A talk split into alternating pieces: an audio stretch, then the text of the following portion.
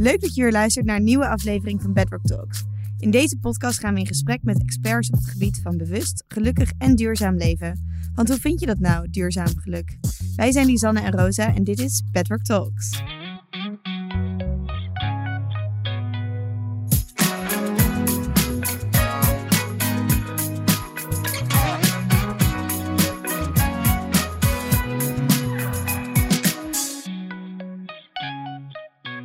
Nou ja, deze podcast zijn we op een hele bijzondere plek. We zijn aangekomen op de Veluwe en het is hier rood en geel en groen van alle bomen, want het is herfst.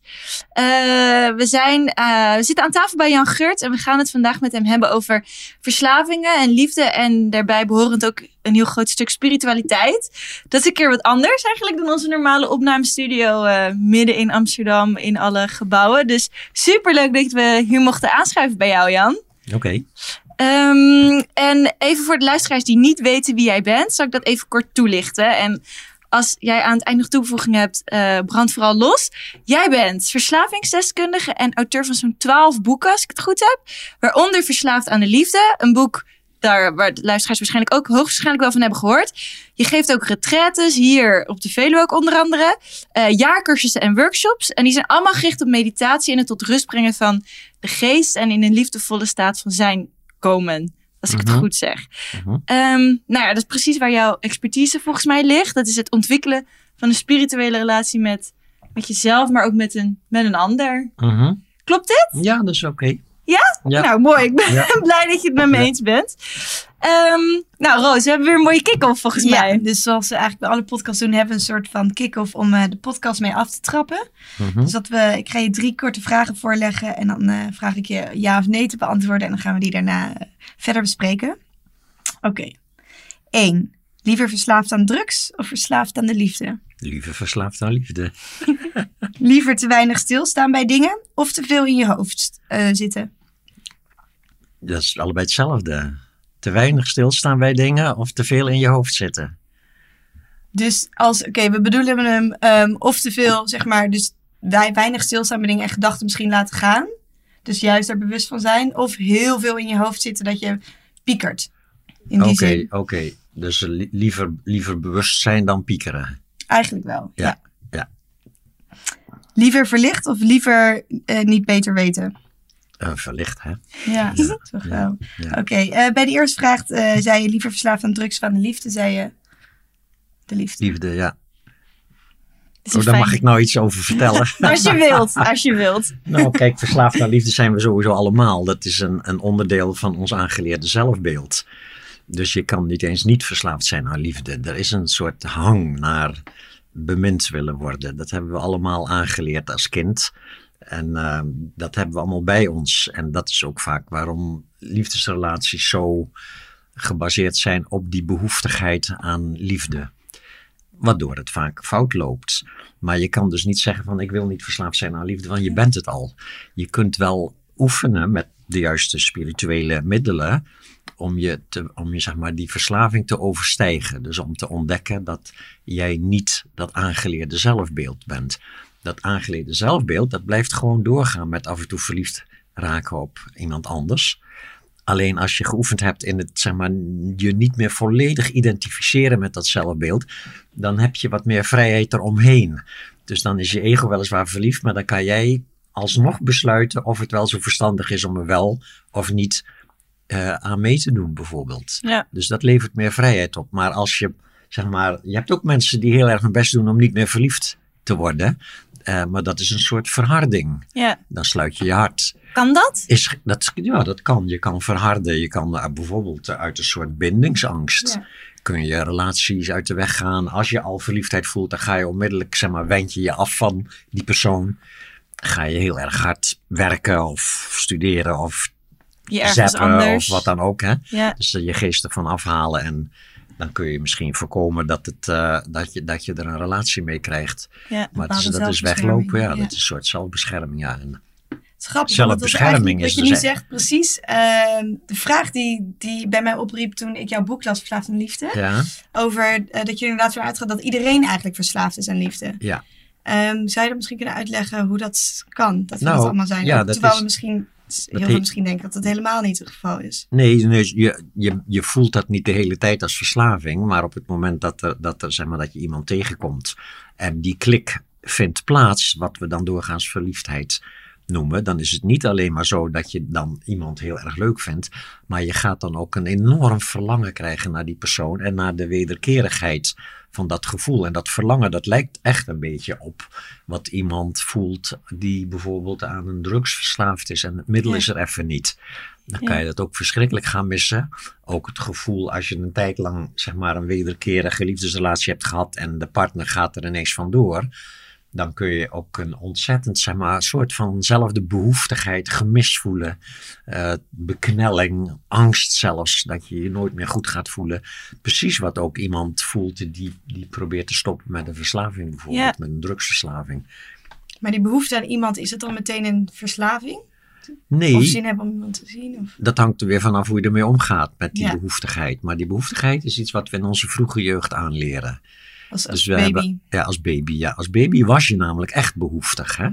Dus dan, en dan had je dus echt, zeg maar, liefde en knuffel, warmte en voeding had je nodig. Anders ging je echt dood. Ja. Dus we hebben dat eerste jaar van ons leven waarin we ook nog niet echt konden nadenken over dingen. Dus alleen maar ervaren. Hebben we een soort overtuiging aangeleerd dat je goed voelen komt van een ander. Want als mama te lang wegbleef, dan ging je je steeds naarder voelen. Als mama dan weer kwam, dan ging je je weer ontspannen. Dus je ontspant je als mama er is en je wordt steeds angstiger als mama te lang wegblijft. Dus dat geeft dat gevoel dat je van jezelf dus niet gelukkig kan zijn. Dat je iets van buitenaf nodig hebt. En de rest van onze jeugd leren we dus hoe je door aan voorwaarden te voldoen van anderen, jezelf dan wel bemind kan voelen, waardevol kunt voelen, jezelf goed kunt voelen over jezelf, zolang anderen dan maar elke dag eh, dat laten zeggen. merken ja, dat ze jou aardig vinden, dat je erbij hoort, Ja, dat je goed bent in wat je doet en zo, dat soort dingen. Hè? Ja, dus het Dus verder dat is, ja. en dat, ja, en dat Ja. ontwikkelt zich dus eigenlijk gewoon verder in je hele leven. Ja, en dat is heel normaal ook hoor. Dus het is niet soort van, hoewel het dus een oorzaak is voor heel veel lijden, is het niet iets wat je zou kunnen voorkomen. Het is niet zo dat ouders kunnen voorkomen dat hun kind zo'n aangeleerd zelfbeeld Nee. aanleert. Want alle kinderen, ja, alle kinderen maken die periode mee van totale afhankelijkheid en totale behoeftigheid. En dus dat is het eerste wat je meemaakt in je leven. En dat lijkt dus ook je diepste kern te zijn. Dus dat is ook wat mensen zo ervaren. Als het dan misloopt in je leven, bijvoorbeeld op relatiegebied, je raakt een partner kwijt of zo. Dat hele diepe gevoel van dat je niet goed bent zoals je bent. En dat je ontzettend zeg maar, afhankelijk en behoeftig je voelt. En de meeste mensen hebben daar dan ook nog een hekel aan als ze dat voelen. Dus dat, dat, Ja. dat, dat, dat, dat triggert een soort zelfafwijzing. Dus de meeste volwassenen willen zich niet zo afhankelijk en behoeftig voelen. Dus, Nee. dus het gevoel wordt getriggerd door iemand of een omstandigheid, een situatie. En vervolgens, als je dan dat gevoel voelt, dan heb je meteen ook nog een soort reactie erbij. Namelijk, wat ontzettend slap van mij dat ik me zo afhankelijk en behoeftig voel. En die zelfafwijzing maakt dan dat je, dat je dus verkrampt en dat je heel naar en ellendig voelt. En dan, als, als er dan niet snel iemand komt die weer zegt dat je heel erg lief en leuk bent, dan ga je eh, steeds naarder voelen. En dan gaan mensen soms andere dingen doen om van dat nare gevoel af te komen. Ja, als er niet even een liefdevolle partner in de buurt komt, een nieuwe partner bijvoorbeeld, dan ga je misschien wel wat meer alcohol drinken of, of drugs gebruiken of, of keihard werken om maar geen last te hebben van compensatie. dat Ja. diepe gevoel van gemis. Hè? af, afleiding zoeken. Ja, En is dat Ja. ook iets wat je kan afleren op een gezonde manier? nou ja, dat is waar spiritualiteit over gaat. Hè? Ja. Dus je kan, je, en ook psychologie, zeg maar, psychotherapie kan je ook enigszins helpen. Want het hangt een beetje af van in welke mate heb je in je jeugd, behalve dan dat diepe gevoel van behoeftigheid en afhankelijkheid, heb je ook allerlei andere zelfafwijzende dingen geleerd van je ouders. Ja? De, de ene ouderstel zijn minder afwijzend dan de andere. Dus kinderen leren in hun jeugd ook meer of minder, zeg maar, zelfafwijzing erbij nog een keer. En ehm, je hebt dus mensen die zeg maar, een hele stabiele opvoeding hebben gehad. Met ouders die al redelijk zeg maar, ook goed in hun vel zaten. En die dus niet al te nare dingen deden met die kinderen als ze het eventjes niet meer zagen zitten en zo. Maar je hebt ook ouders die het heel moeilijk hebben met zichzelf. En als ze dan kinderen krijgen, hebben ze het ook heel moeilijk met die kinderen uiteraard. En die kinderen Ja. worden dus meer afgewezen en ontwikkelen daardoor een neurotischer zelfbeeld. Hè? Dus een zelfbeeld met meer angsten en meer zelfafwijzing. Ja. Dus daar eh, hangt het wel een beetje van af. Dus heb je, een zo, heb je dus zeg maar, zo'n opvoeding gehad met zeg maar, neurotische eh, aspecten erin, dan kun je ook met psychotherapie en psycho- psychologische training en therapie kun je ook al daar wel wat aan doen. Je kan Mhm. werken als volwassene aan het gezonder maken van je ego. Ja. Dus dat is zeg maar het terrein van de psychologie, maar de spiritualiteit gaat, gaat zeg maar, kijk, van een iets andere kant gaat niet het ego helpen om zichzelf gezond te maken, maar laat jou zien dat jij dat ego niet bent. Dat dat een aangeleerde soort mentale constructie is, die bestaat uit allemaal herinneringen aan dingen die je hebt meegemaakt en die, die waarvan we doorgaans dus denken dat we dat werkelijk zijn, maar dat is niet wat we werkelijk zijn. Wat we werkelijk zijn, is dat wat dat zelfbeeld ervaart. Dus je ervaart dat je een lichaam hebt. Je ervaart dat je een naam hebt. Dat je een bent. verleden Ja. hebt. Dat je dat allemaal niet bent, maar Ja. dat je dat als het ware hebt. Dat je dat ervaart. Ja. En wie je werkelijk bent, is dus de ervaarder van dat lichaam. Met zijn gedachten en zijn gevoelens en zijn hoop en zijn vrees. En zijn maniertjes om aardig gevonden te worden. En zijn angsten om afgewezen te worden. En zo al die dingen die ervaar je, maar je bent ze niet. Ja. En, en dat kan je dus leren. Dat is wat spiritualiteit eigenlijk beoogt. Dat je door de juiste oefeningen te doen, geleidelijk aan als het ware dat zelfbeeld niet meer ziet als wie je werkelijk bent, maar als de, de rol die je speelt in de wereld. Ja. Je, hebt het, je hebt het nodig, je hebt een lichaam nodig om dingen te doen en om dingen te ervaren. En je hebt daarbij ook gewoon allerlei dingen aangeleerd. En dat is niet verkeerd op zichzelf. Zodra je ziet dat dat niet is wie je werkelijk bent, ontstaat er een soort ruimte omheen, een soort vrijheid eromheen. En dan kan dat ego dus verliefd worden. En als jij dat dan ziet, van oh, wat wordt mijn ego weer verliefd, weet je wel, wat schattig. En dan wordt word je als het ware, terwijl normaal, oh, weet je, oh, ik word weer verliefd, weet je wel, een soort van heel veel hoop Ja. dat hij of zij ook van mij, weet je wel. En heel veel angst dat het niet doorgaat, weet je wel, dat je afgewezen gaat worden. En dat alles kan je dan vanuit die ruimere blik, kan je dan zien zonder, zonder erin te verkrampen. Ja. En denk je dan ook dat spiritualiteit eh, voor iedereen is? Om even terug te komen op een van de vragen was liever verlicht of liever eh, Niet beter niet weten. weten? Ja. Je antwoord was natuurlijk liever verlicht. Maar denk je dat dan ook dat het voor iedereen is? Dat iedereen daar... Baat bij heeft.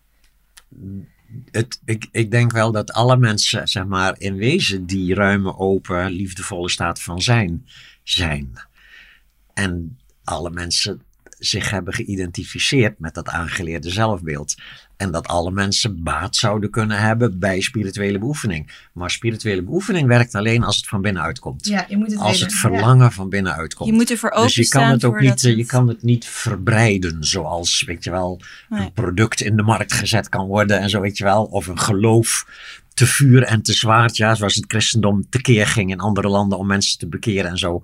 Dat kan niet met spiritualiteit. Dat wil je ook niet eens. Dus die behoefte om mensen ervan te overtuigen dat ze anders moeten gaan kijken naar zichzelf, dat, dat is er niet. Dat Nee. komt vanzelf wel. Ja. Ik vind het leuk als je, zoals jullie komen naar hier en je vraagt erom. En dan vind ik het leuk om erover te vertellen. Maar Ja. ik ga niet zomaar mensen aanspreken. Zoals bijvoorbeeld Jehovah's getuigen die aan de deur komen en graag willen vertellen Ja, waar ik in moet geloven. Daar En heb hoe ik dus is dat- totaal geen behoefte aan. snap ik. Hoe is dat als jij. eh, want is jouw, zijn alle mensen in jouw omgeving hiermee bezig? Nee, totaal Nee. niet. Nee. Dus met die mensen die hier niet mee bezig zijn, heb je het dan hier ook niet over? Nee. Nee. Nee. Als zij er niet om vragen, heb ik het er niet Dan, over. nee, nee. precies. Dan gaat het gewoon over koetjes, Nee. weet ik veel. Nee, nee, als de buren zijn, wat doe je eigenlijk? Dan zeg ik, ik geef meditatiecursussen. Oh ja, precies. En dan vinden ze dat al een beetje raar. Maar oké, je, meditatie is tegenwoordig al een beetje een soort van yoga, meditatie. Soort het hoort van- er allemaal bij. Het hoort er wel Ja. bij. Het kan, je kan dat doen. Je kan dat zeggen zonder dat je meteen... Ja, je bent niet meer echt geitenwolle idioten aangezien wordt. Ja. Precies. Ja. Dus eh, nee, en daar heb ik geen moeite mee ook. Nee, nee. En bijvoorbeeld eh, van mijn, ik heb vier kinderen. Er is er maar eentje echt met spiritualiteit bezig. Die anderen zien mij wel bezig en we praten er ook wel over. Zijn best geïnteresseerd, maar zijn zelf niet aan het beoefenen of zo. Nee, hebben is, gewoon eh, in allemaal dingen in hun leven die ze op dit moment belangrijk vinden. En ik vind het helemaal oké. Ja, Ja, voor mij hoeven ze dat niet. nee. En want meditatie is ook is het het middel om te komen in die verlichte, vrije wereld, zeg maar? Of een van de? Het is wel eh, de juiste vorm van meditatie, is als het ware het hulpmiddel om die identificatie met het aangeleerde zelfbeeld geleidelijk aan losser, losser te maken en dat te overstijgen. Ja. Je moet iets doen met je geest. Het is je geest die zich heeft geïdentificeerd met al die gedachten en gevoelens en herinneringen die je beschouwt als wie je werkelijk bent. En je moet dat dus loslaten. En, Ja. dat, en dat vergt oefening, omdat je zo gewend bent aan wel te denken dat wat je voelt en wat je denkt, dat dat ook echt waar is. Ja. Allemaal. Hè? Ja, Dus daar moet je voor oefenen. Niet alle meditatie is daarop gericht. Je hebt ook vormen van meditatie die alleen maar gericht zijn op het kalmeren. Dus gewoon een beetje ontstressen. Hè? Dus lekker gewoon zitten, ogen dicht. Eh, vaak nog een muziekje erbij aan of een ruisen van de bomen en, en zo, weet je wel. Dus kalmeren, kalmeren, kalmeren. Dat is een, eh, een tak van meditatie die het meest gedaan wordt tegenwoordig. En de meditatie waar ik het dan nu over heb, om als het ware die identificatie met dat zelfbeeld los te laten, dat is een, een iets andere manier waarbij je overigens die kalmering wel kunt gebruiken, maar kalmeren is dan niet langer het doel, is een hulpmiddel. ja, En wat je er werkelijk dus doet, is niet zozeer je gedachten stopzetten, maar steeds als het ware leren om naar die gedachten te kijken in plaats van ze te zijn. ja, Doorgaans ben je je gedachten. En dan kun je dus met oefenen kan je gedachten zien opkomen. En dan zie je dus van, oh, wat is dat een leuke man of vrouw. Weet je wel. Dan zie je jezelf denken, het gevoel erbij. En, en er is dus iets wat door daar telkens weer naar te kijken, zichzelf steeds beter leert kennen als niet die gedachte. Maar dat wat een gedachte waarneemt. ja, En dat is ook wel leuk. Onze vorige podcast ging over eh, meditatie. Ja, Eh, en daarin is, is ook uitgelegd dat mediteren heus niet gaat om het hebben van geen gedachten. Want dat, Ja. dat denken ook veel mensen als je Ja. spiritualiteit beoefent. Dat je dan heel krampachtig niet meer denkt. Ja. Als een soort van... Maar dat, dat, dat is ook niet waar. nee, absoluut niet. Nee, nee dat, eh, dat herkennen. wordt heel krampachtig als je dat probeert. Ja. Ja. ja. Gedachten zijn prima. En wat ik me ook nog afvroeg. ehm, nou, in veel van jouw boeken en in jouw werk en andere podcasts waar jij te gast bent, heb je het over dat wij eigenlijk allemaal, dus wij kampen met een soort fundamentele zelfafwijzing. Mhm. Eh, dat daar dus ook de, de verslaafdheid aan liefde eh, uit voortkomt. Hoe, hoe, hoe zorg je eigenlijk in jouw ogen voor een goede relatie met jezelf? Dat je dat toch enigszins in balans brengt. Mhm, Ja, dus door. Dat kun je ook oefenen, hè? Dus het hangt een beetje af weer van wat voor soort opvoeding je hebt genoten. Maar sommige mensen hebben opvoeding genoten met veel zelfafwijzing, dus, hè? Dus die hebben heel, heel makkelijk, wordt dat getriggerd. En die leven dan vaak ook op een manier waarvan je kan zeggen, die zorgen niet goed voor zichzelf. Dus die gebruiken bijvoorbeeld wel drugs en, en leven ongezond, zorgen slecht voor zichzelf.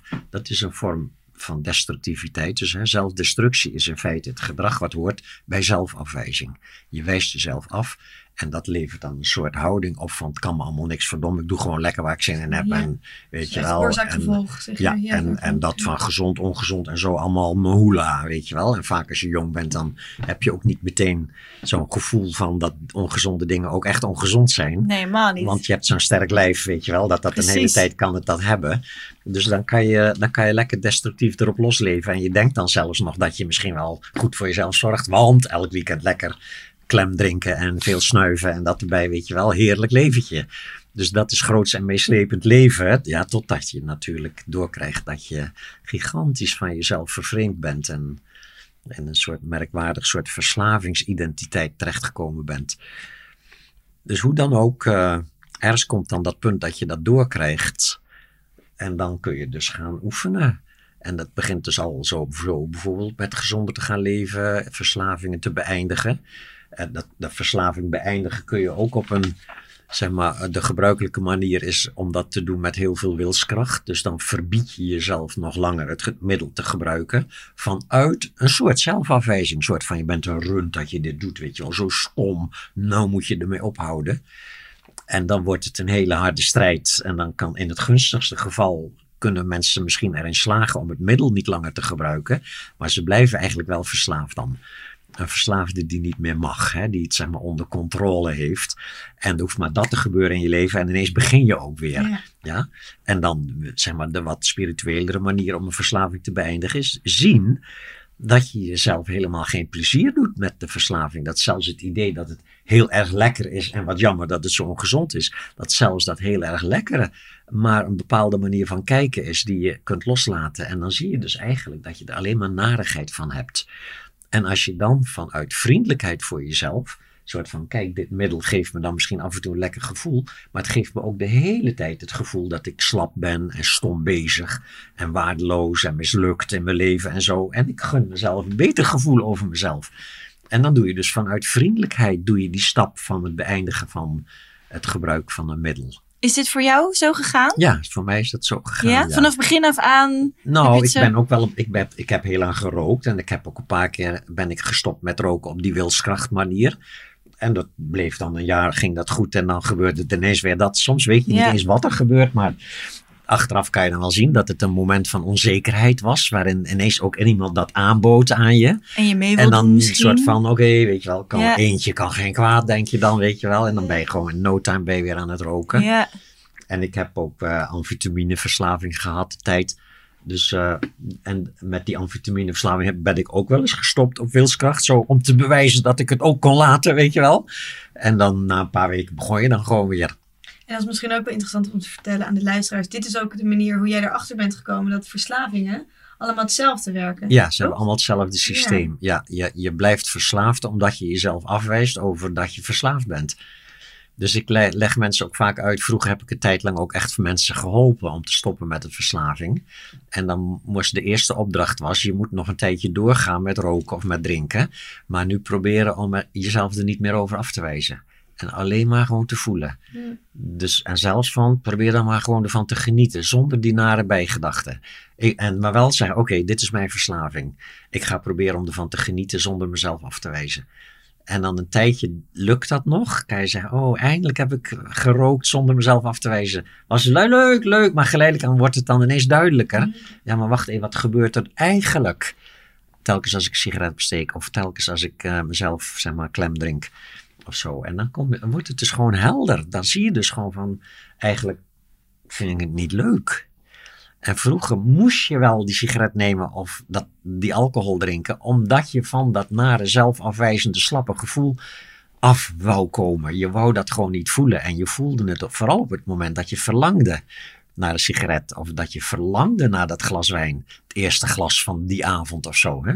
Dan vond je jezelf een beetje slap, een beetje stom en dat wou je niet voelen en dus stak je hem snel op, begon je snel te drinken. ja, Dus zodra je dat gevoel van slapheid, stomheid, weet je wel, misluktheid, wat dus bij de verslaving hoort, zodra je dat gevoel. Altijd, ja. Er zijn natuurlijk mensen die een tijd, de eerste periode van je verslaving kun je je daar soms nog onbewust van zijn. Want dan heb je nog niet zo'n probleem. Je bent ook nog niet ziek aan het worden of, eh, of, of eh, eh, kortademig of zo. Dus je hebt nog geen gezondheidseffecten ervan. Het is nog nooit echt misgelopen, bijvoorbeeld ook. Van overdose of wat dan ook. Dus in het begin denk je gewoon van wat leuk, weet je wel. Gezellig en lekker, weet je wel. En dan in het begin kan je het ook makkelijk laten. Geen probleem. Ik neem het alleen eens op zaterdagavond, weet je wel zo. En dan op een dag gaat er iets mis in je leven, weet je wel. Er komt spanning, je raakt werkloos of wat dan ook. En dan ineens knalt die verslaving eruit, als het ware. In no time, binnen een week of wat, zit je elke avond te drinken. Of elke dag te snuiven of wat dan ook. ja. Want eh, misschien wel een leuk, ik voel hem al een beetje aankomen, maar een leuke lezersvraag. Dit vroeg eh, Judith Slachter ons via Instagram. Ze vroeg, wat is de waarheid achter eens verslaafd, altijd verslaafd? Dat, daar is geen waarheid achter. Dat is een onwaarheid. Een Eens onwaarheid. verslaafd, altijd verslaafd is, is niet juist. Een verslaving ben je niet, je, je hebt hem. Ja, En je kan hem kwijtraken ook weer. Je kan hem overstijgen, je kan hem loslaten. ja. Ja, Wat, dus- wat, dus wat jou dus is dat- gelukt ook, ja. onder andere. En maar tegelijkertijd, die uitspraak die komt een beetje uit de traditionele vorm van werken met verslaafden. Dus, de, dus ik zei net al, er is een manier om te stoppen met de verslaving vanuit zelfafwijzing. ja, En dan ga je tekeer tegen de, de, het gedrag, tegen het verslavingsgedrag. Dat probeer je te onderdrukken en te beëindigen. En dat is ook de methode die vaak in verslavingshulpverlening gebruikt wordt. Dat mensen zeg maar, worden geholpen om zich onder controle te krijgen. En dat, dat betekent dus, en die mensen zeggen ook als hulpmiddel om jou te helpen van je verslaving af te komen, Verslaving is een ziekte, je komt er nooit helemaal Mm. vanaf. Je moet heel erg leren om zeg maar alert te zijn. En, en elke dag opnieuw te beseffen: vandaag ga ik niet drinken of niet roken en zo.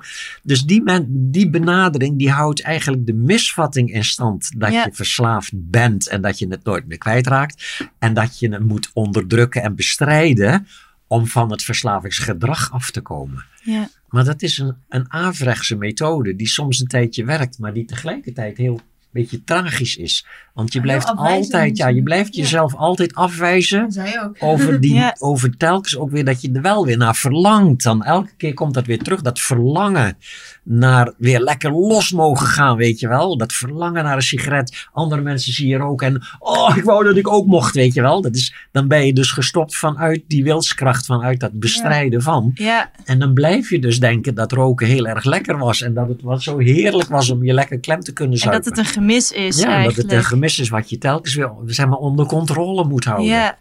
En dus die hele verslavingshulpverlening die is als het ware ook bezig op diezelfde manier. Trouwens, de hele samenleving kijkt op die manier naar verslavingen. Het wordt gecriminaliseerd bijvoorbeeld ook. Maar Ja. wat zijn jouw gedachten daarover? Nou, dat het heel stom is om, om zeg maar verslavende middelen strafbaar te stellen. Want ook dat levert alleen maar meer problemen op. Zoals je ziet, de hele samenleving wordt steeds crimineler als het gaat om drugsgebruik. Ja?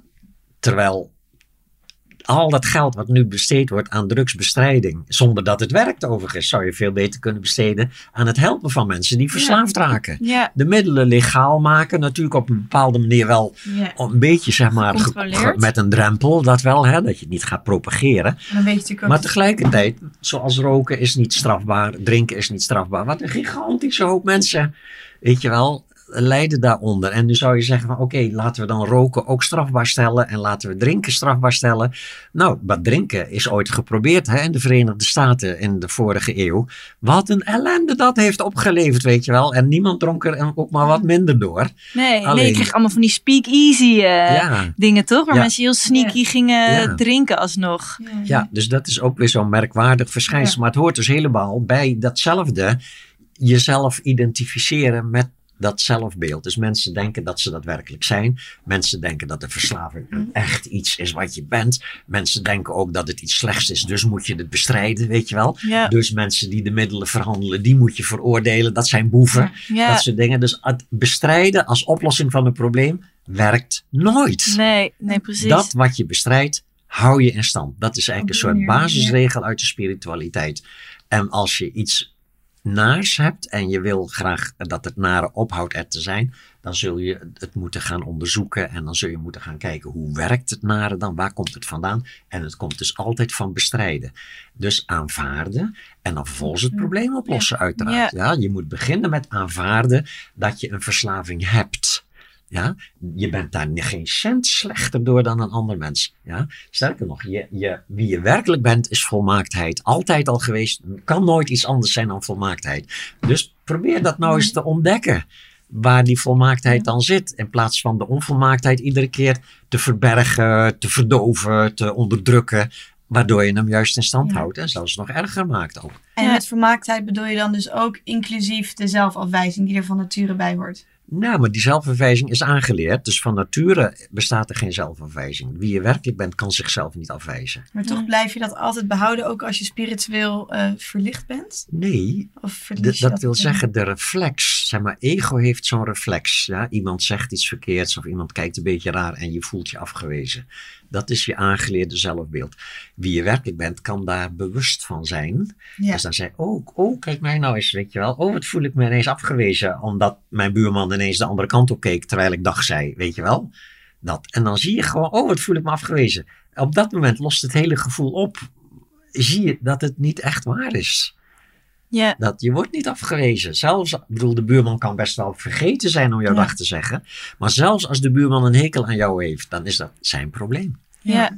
Ja, dan zeg Ja. je, oh, de buurman heeft eh, vandaag weer een moeilijke dag. Hij baalt kennelijk weer van, weet je wel, wat dan ook. Ja, Ja, wat jammer voor hem dat hij gewoon daar moeite mee heeft. Ja. Zo, ja. Dus dan hoef je dat helemaal niet op jezelf te betrekken. Op wie je werkelijk bent te betrekken. ja. Maar dat, dat is een pad waar je moet komen. Dat Ja. duurt. Dat is Ik, bedoel, oefenen. ik hoor je dan praten. Ja, logisch, logisch.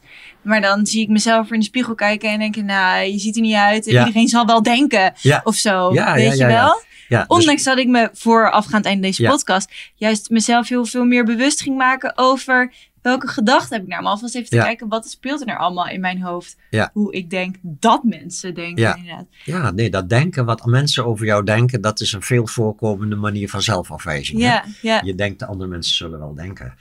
En dan meestal iets naars dan. Hè? Het is niet zo van, oh, ze zullen wel denken dat wat een leuke vrouw loopt daar, weet je wel. Dat denk je dan veel minder dan. Ze zullen wel denken, wat zit er haar raar of zo. Omdat je dan Nou. zelf een Dat bad, heb ik gehad deze een week. bad hair day of wat dan ook. Ja, precies. Pony vandaag. Ja. Maar, heb Maar jij dat dus zo- door beoefenen kan je dat. Ik bedoel, ik heb dat nog steeds wel. Dat hangt een beetje af gewoon van je bui. Heb je goed geslapen, slecht geslapen, sta je voor de spiegel en. weet je wel, Ja. dat van, Als je ongesteld bent bijvoorbeeld. En dan, maar dan herken je dat als, oh, dit is dus kennelijk even zo'n moment van, oh, weet je wel. En ik heb ook wel eens een moment dat ik denk, mm, aardige man wel, leuke man wel om te zien. En dan, maar dan, met dezelfde relativiteit dan denk ik, oh, dit is dus kennelijk een goede dag. oh ja, precies. En Ja. in beide gevallen is niet wie ik werkelijk ben. Ja. En waar Ja. komen die negatieve gedachten van ons vandaan? Want eigenlijk denken we dus in essentie negatief. Een soort Ja, ja, dat is omdat je dus tijdens dat eerste jaar van je leven en de jaren daarna ook nog heel veel gehoord hebt dat je niet goed bent zoals je bent, maar dat je goed moet worden. ja. Ja, dat is in feite wat opvoeden heet. Hè? Het kind moet opgevoed worden. Je moet, in- je moet Dingen in het potje leren plassen en niet in je luier, weet je wel, dat soort dingen. De lieve ouders doen dat op een lieve manier, maar even goed zeggen ze iedere keer als je dan toch weer in je luier plast, niet op het potje, weet je wel, van nee, weet je wel. En de, en de wat geïrriteerdere ouders zeggen, hè, verdomme, weet je wel, hou nou eens op met dat. En, en je leert dus elke dag opnieuw leren kinderen, ik moet mijn best doen om iets te worden. Namelijk groot, ja, volwassen. Ja. Ja, ik moet leren rekenen, moet leren dat, je moet leren dat, weet je wel. En als je dan te weinig doet, dan krijg je een slecht punt en dat soort dingen. En dat is allemaal overigens heel normaal ook hoor. Dus je kan, je kan dat niet voorkomen.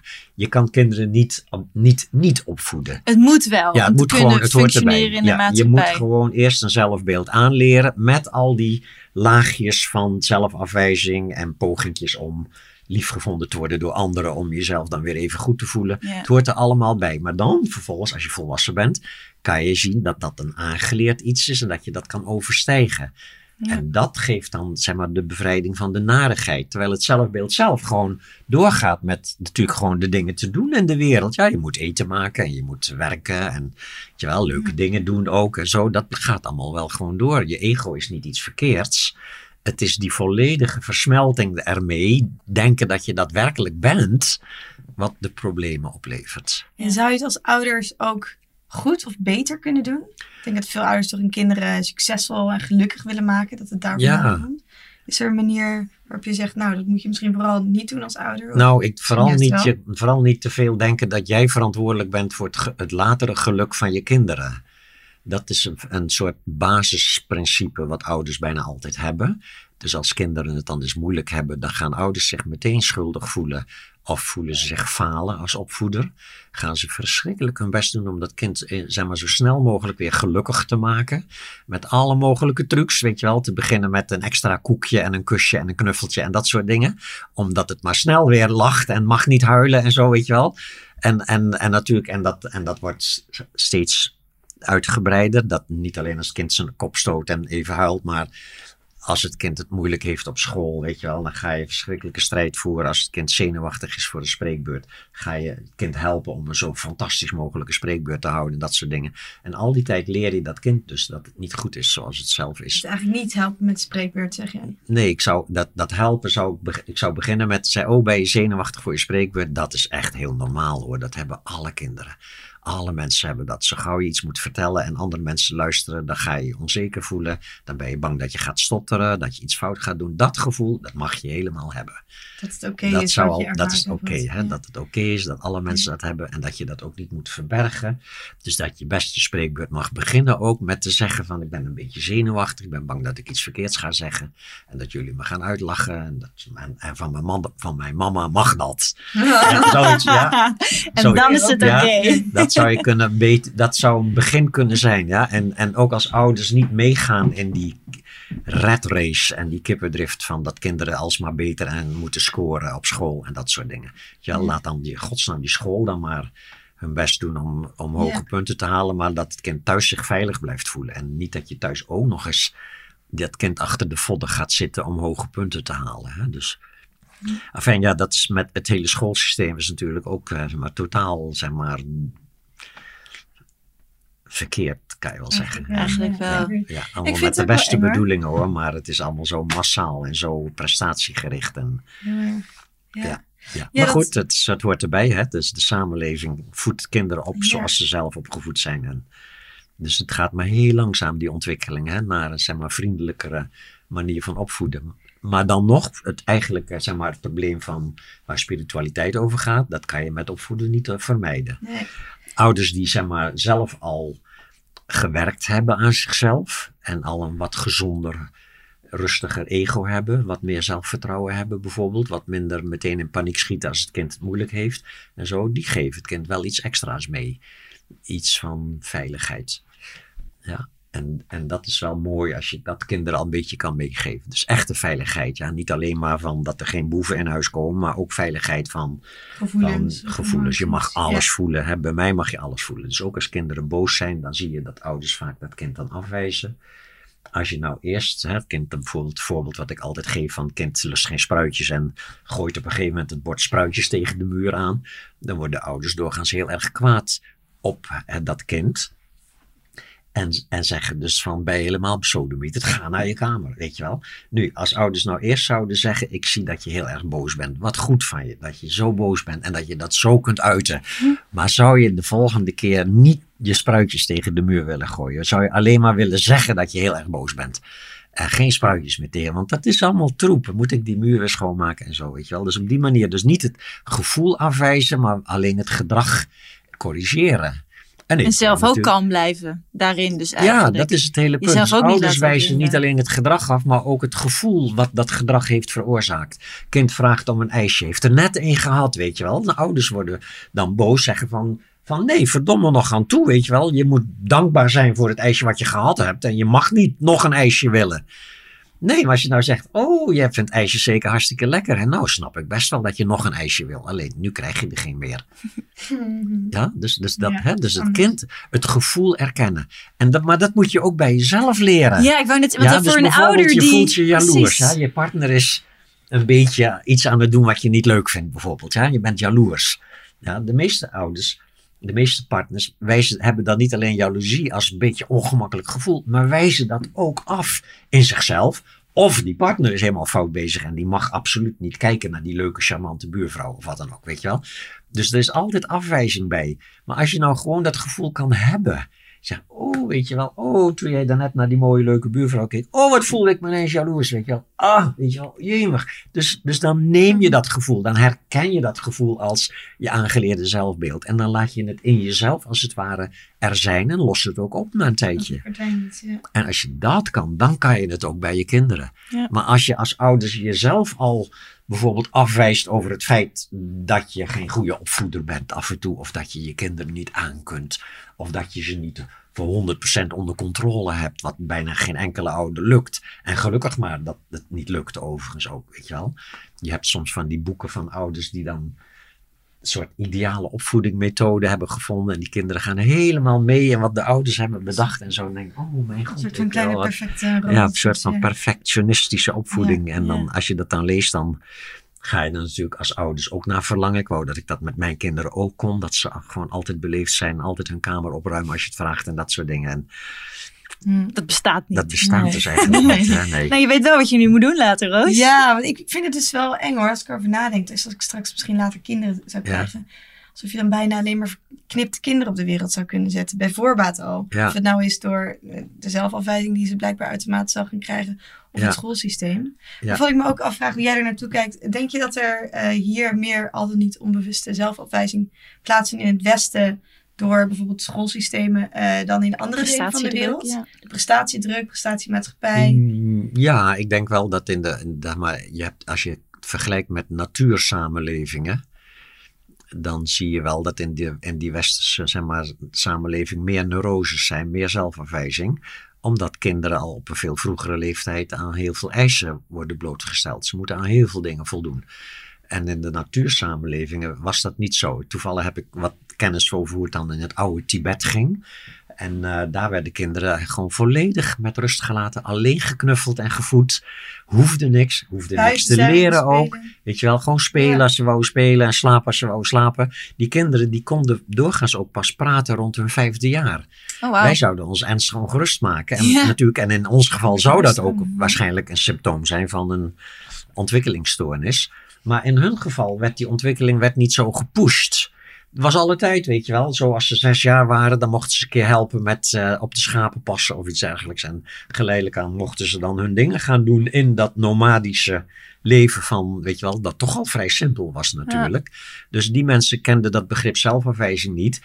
Wat niet betekent dat die mensen verlicht waren, spiritueel gezien, maar wat betekent dat ze een heel gezond en solide zelfbeeld hadden. Ja. Ja, en dat het dat natuurlijk ook in, dat, in die levens kwam lijden voor. Als er, geen, als er geen genoeg eten was, of als er een ziekte uitbrak in de stam of in, bij de dieren of wat dan ook. Dan leden mensen, maar dat was altijd buiten zich. Het lijden werd altijd veroorzaakt door iets buiten je. Voor westerse mensen die een, zeg maar, een, in onze samenleving zijn, is het lijden heel vaak al iets wat mensen wel makkelijker herkennen als iets in je. Weet je, als je verslaafd bent, als je eenzaam bent, als je eh, depressief bent bijvoorbeeld, dan hoef je die mensen niet uit te leggen dat het lijden zich in je geest afspeelt. Dat is dan eigenlijk onmiskenbaar duidelijk. Ja. Ja? Dus de, de, de, het nadeel is ook spiritueel gezien een voordeel. Ja? Dus de hele neurotische samenleving neigt daardoor meer naar spiritualiteit omdat het ego als het ware zich bewuster wordt van het vastlopen in zijn eigen zeg maar, strategieën. Ja. Altijd je best moeten doen om te voldoen aan voorwaarden, om je goed te mogen voelen. En ergens, die voorwaarden worden steeds ingewikkelder. Ja, en ergens krijg je dus een burn-out bijvoorbeeld. Dat is echt zo'n ziekte van deze tijd. En dat is spiritueel gezien, is dat een soort blessing. Een soort zegen als je een burn-out krijgt. Ja, dat Als je zeggen een- mensen vaak. ja, dat hoor je vaak. Ja, en eens Wake kom je erachter en je wordt je verplicht, zeg maar, om een tijd gewoon thuis te zitten. En dan kom je alles tegen van je eigen ego, weet je wel. Dan ga je je vreselijk naarvoelen en nutteloos voelen en, en dat soort dingen. En dan kijk je naar waar, waar is het misgelopen. En als je dan, zeg maar, een beetje ook op de goede manier kijkt op dat moment. Dus als je de juiste informatie krijgt van hulpverleners eventueel. Dan kan je dus zien, ja, inderdaad, ja, ik was eigenlijk constant voor mezelf aan het weglopen. En constant was ik me aan het, helemaal aan het, zeg maar, op dat werk aan het gooien. En dan, waarschijnlijk was het dan misschien wel leuk werk ook. Maar evengoed leuk te- om jezelf helemaal te vergeten. Ja. En dan kan je, dat, dus- kan je iets van leren. En dan kan je, daarna kan je, eh, zeg maar, op een spirituelere manier gaan leven. Want is dat dan ook waar. Dat is eigenlijk ook wat je zegt in je boek, volgens mij, dat eigenlijk bijna altijd ellende nodig is voor spirituele Ja, ontwikkeling. Omdat je dan Ja. dus. Ja, omdat Ja. je dan dus kan inzien. ja hoe het makkelijker vooral, dat, beter vooral kan. dat soort ellende. Hè? Dus de ellende die, die, die zeg maar, herkenbaar is als van binnenuit komend. Ja, Dat natuurlijk ellende in de zin van je, kom, je komt dan onder een tram en je kan niet meer lopen, je komt in een rolstoel. Die is veel moeilijker te herkennen als iets Ja. waar je met je geest iets mee moet doen. dus als ik Dat mij is- meer spiritueel wil ontwikkelen, moet ik eigenlijk even door, door het stof gaan. Ja, Bij wijze van. het- ja, maar je moet- kan het niet opzoeken. Hè? Dus eh, dat, het komt vanzelf wel. komt ja, vanzelf. Dus als het een tijdje lekker loopt in je leven, moet je niet gaan denken van, oh, ik doe iets verkeerds, want het gaat zo goed in mijn leven. Ja, Dat ik moet eigenlijk weer- iets meer ellende moet meemaken, meer want ellende, eh, ja. Dan word ik spiritueel verlicht Laat ik weer eens een relaatiecrisis creëren of zo. Hè? Nou, het is Nee, het komt vanzelf. Het komt vanzelf wel, die ellende. Ja, En, eh, en dan kan je hem gaan benutten in plaats van bestrijden. Dat is dan wel de keuze die je hebt. Want de neiging om het dan toch weer te gaan bestrijden en toe te dekken. En, en trucjes te bedenken waardoor je er weer van afkomt van dat nare gevoel. Die neiging is vrij sterk natuurlijk. Dus Ja. je moet dan echt wel ook wel geraakt worden door dat hele spirituele proces. Hè, wat je dan in ja het, moet je, het moet je liggen, Ja. natuurlijk. Je moet moet er je interesse liggen, in hebben. Ja. Ja. Nou, je- we, zien natuurlijk sowieso in de laatste jaren steeds meer dat mensen hiermee bezig zijn. Spiritualiteit, hun eigen ontwikkeling. En daar is nu in de laatste tijd is daar ook, eh, zijn er wat mensen die daar iets over te zeggen hebben. Mhm. eh, die daar wat kritisch over zijn. Omdat die zeggen dat de mindfulness hype, zoals dat wordt Mhm. gezegd. Die zeggen ehm, dat dat een beetje het maatschappelijke probleem voorbij gaat.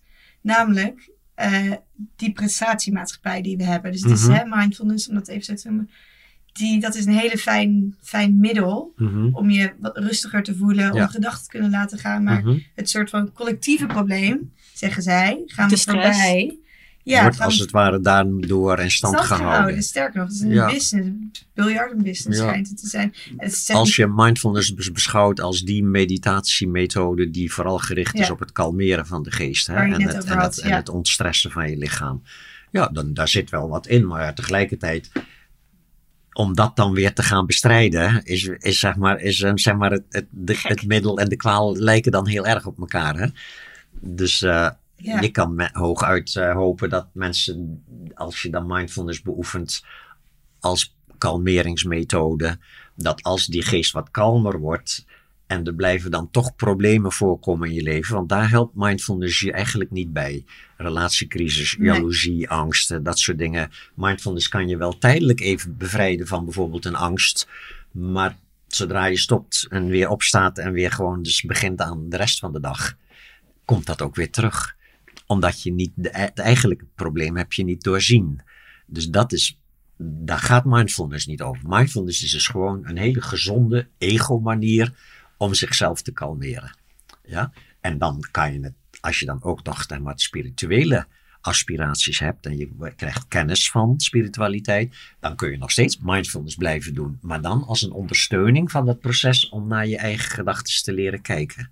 ja, als onderdeel. Is Als er- onderdeel van dat leren kijken naar je gedachten in plaats van dat je je gedachten bent. En dat zei, want op, op jouw website, jij geeft volgens mij dzoggen meditatie. Dzogchen heet het, ja. Dzog- Dzogchen, Tibetaans woord is dat. Tongtwister. Dzogchen. Ja, ja, nee, Ja. Ik, ik las erover en toen, toen stond er inderdaad ook iets van: dit het is niet een meditatie die wij gewend zijn, zoals Nee, het is iets anders dan, eh en zo. En dan dat zijn eigenlijk de medi- mindfulness. Ja, Precies, de meditaties waar jij het over daar hebt. heb ik het over heb, ja. Ja. En in Dzogchen wordt het zelfs niet-meditatie genoemd. Maar niet-meditatie is dus iets heel anders dan Het niet is een mediteren. traditie daar ook. Ja, het is een, eh, is het is dan? een methode die jou als het ware juist helpt om contact te maken met jezelf zonder iets aan jezelf te veranderen. Mindfulness is een methode die iets wil veranderen. Namelijk, je bent gestrest en je wilt kalmeren. Druk in je hoofd, je wil het kalmer krijgen. Ja. Dzogchen laat jou kijken naar de drukte in je geest en de stress in je lijf, zonder daar iets aan te veranderen, maar wel je bewust blijven van het feit dat jij de kijker bent naar die gedachten. En daar, En ja. de ervarer bent van die stress. Dus je bent niet gestrest, je hebt stress. en kan je, Je in de- ervaart stress. En het mooie is nu dat dan, dan ook de gedachten kalmeren en de stress verdwijnt. Maar niet omdat jij zo je best doet om er vanaf te komen, maar juist omdat je je elk verzet er tegen opgeeft. Dus dat is het wonder. afstand. Dat is omdat we een natuurlijke staat hebben die al vrij is van stress en van drukke gedachten. Ja. Dat is het punt. Dus dat, dat hele Dzogchen, zeg maar, niet-meditatie is een techniek om juist op te houden met jezelf alsmaar te moeten veranderen in een richting van meer volmaaktheid. Dat is wat ego is. Ego wil zichzelf veranderen. ja, Ja, en ego komt op het spirituele pad en dan zegt, oh, nou moet ik verlichting bereiken, weet je wel, om mezelf goed te voelen. Nee, je bent al verlicht, zeggen ze in sommige tradities, alleen je hebt het nog niet door. Hoe krijg je het door? Alleen maar door te kijken en niets te veranderen aan je huidige ervaring. Dus in het begin is dat best wel lastig, want soms is je huidige ervaring is er een van stress of ongemak of drukte of nerveus of weet je wel, jaloers of noem maar op, al je nare gevoelens. En dan moet je proberen om niks te doen. Wel bewust te blijven zitten en kijken. Je wordt er heel Oh, ongemakkelijk oh, van. Ik zie je daar met jezelf. ja, zeg ja, dus de neiging om dan toch snel even iets te doen om er vanaf te komen. Ja, die is vrij sterk. Dus je moet dat heel vriendelijk, moet je geleidelijk, dan moet je jezelf dan oefenen in, zeg Want maar, met- niks met- doen. met meditaties en vooral met inderdaad mindfulness stressmeditaties is het heel vaak ook oké even vijf minuten en dan ben je weer kalm. Ja. Maar een dzogchen, Dzogchen. dzogchen Ja. meditatie dat, dat bestaat niet in vijf minuten dan. Nee, nee, je Nee, doet dat duurt je, nee, in feite ben je er de hele dag mee bezig. Telkens als je eraan denkt, uiteraard. Want in Ja. het begin vergeet je het ook de hele tijd. Ja, Maar geleidelijk aan denk je er steeds meer aan. Om te kijken naar het denken in plaats van alleen maar te denken. Ja. En deze meditaties vinden we op jouw website. Ze liggen, je kunt er een paar op de website eh, Nee. vinden ja, Oh, om, op gang te onze komen. En- Oké. Even, En in mijn boeken wordt natuurlijk uitgelegd hoe het werkt. En, eh, en dan kan je, gewoon, kan je gewoon beginnen. Hè? Ja. En natuurlijk, en, dan, en tegelijkertijd, ja, daarom geef ik dus die jaarcursussen. Want het is wel best wel lastig om dit. In, in het begin lijkt het een beetje of je erop achteruit gaat, namelijk. Je wordt eerst namelijk zenuwachtiger ja. en ongemakkelijker. Te erg bewust Ja. van. Soort, ja, als meer bewust van de drukte in je geest, meer bewust van het ongemak in je lijf. Ja, en dan moet je best wel regelmatig, moet je als het ware geholpen worden, gestimuleerd worden, opnieuw uitgelegd krijgen waarom het zo belangrijk is om dan toch maar te blijven zitten. Terwijl het lijkt of je eigenlijk gewoon je tijd aan het verprutsen bent. ja.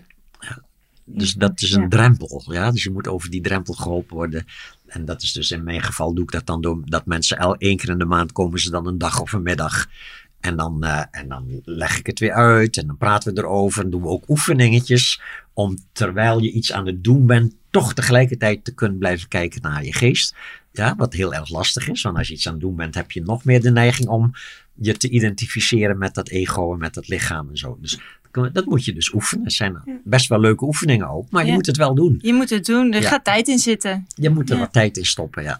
Dat En is zo, ja. om eh, nog even terug te gaan naar het onderwerp waar we eigenlijk een beetje mee begonnen, de liefde. We hadden het over het boek Verslaafd aan Liefde. Ja, Eh, daar hadden we toch nog een paar vragen over. ga je gang. Ehm, hoe ziet volgens jou een gezonde liefdesrelatie eruit?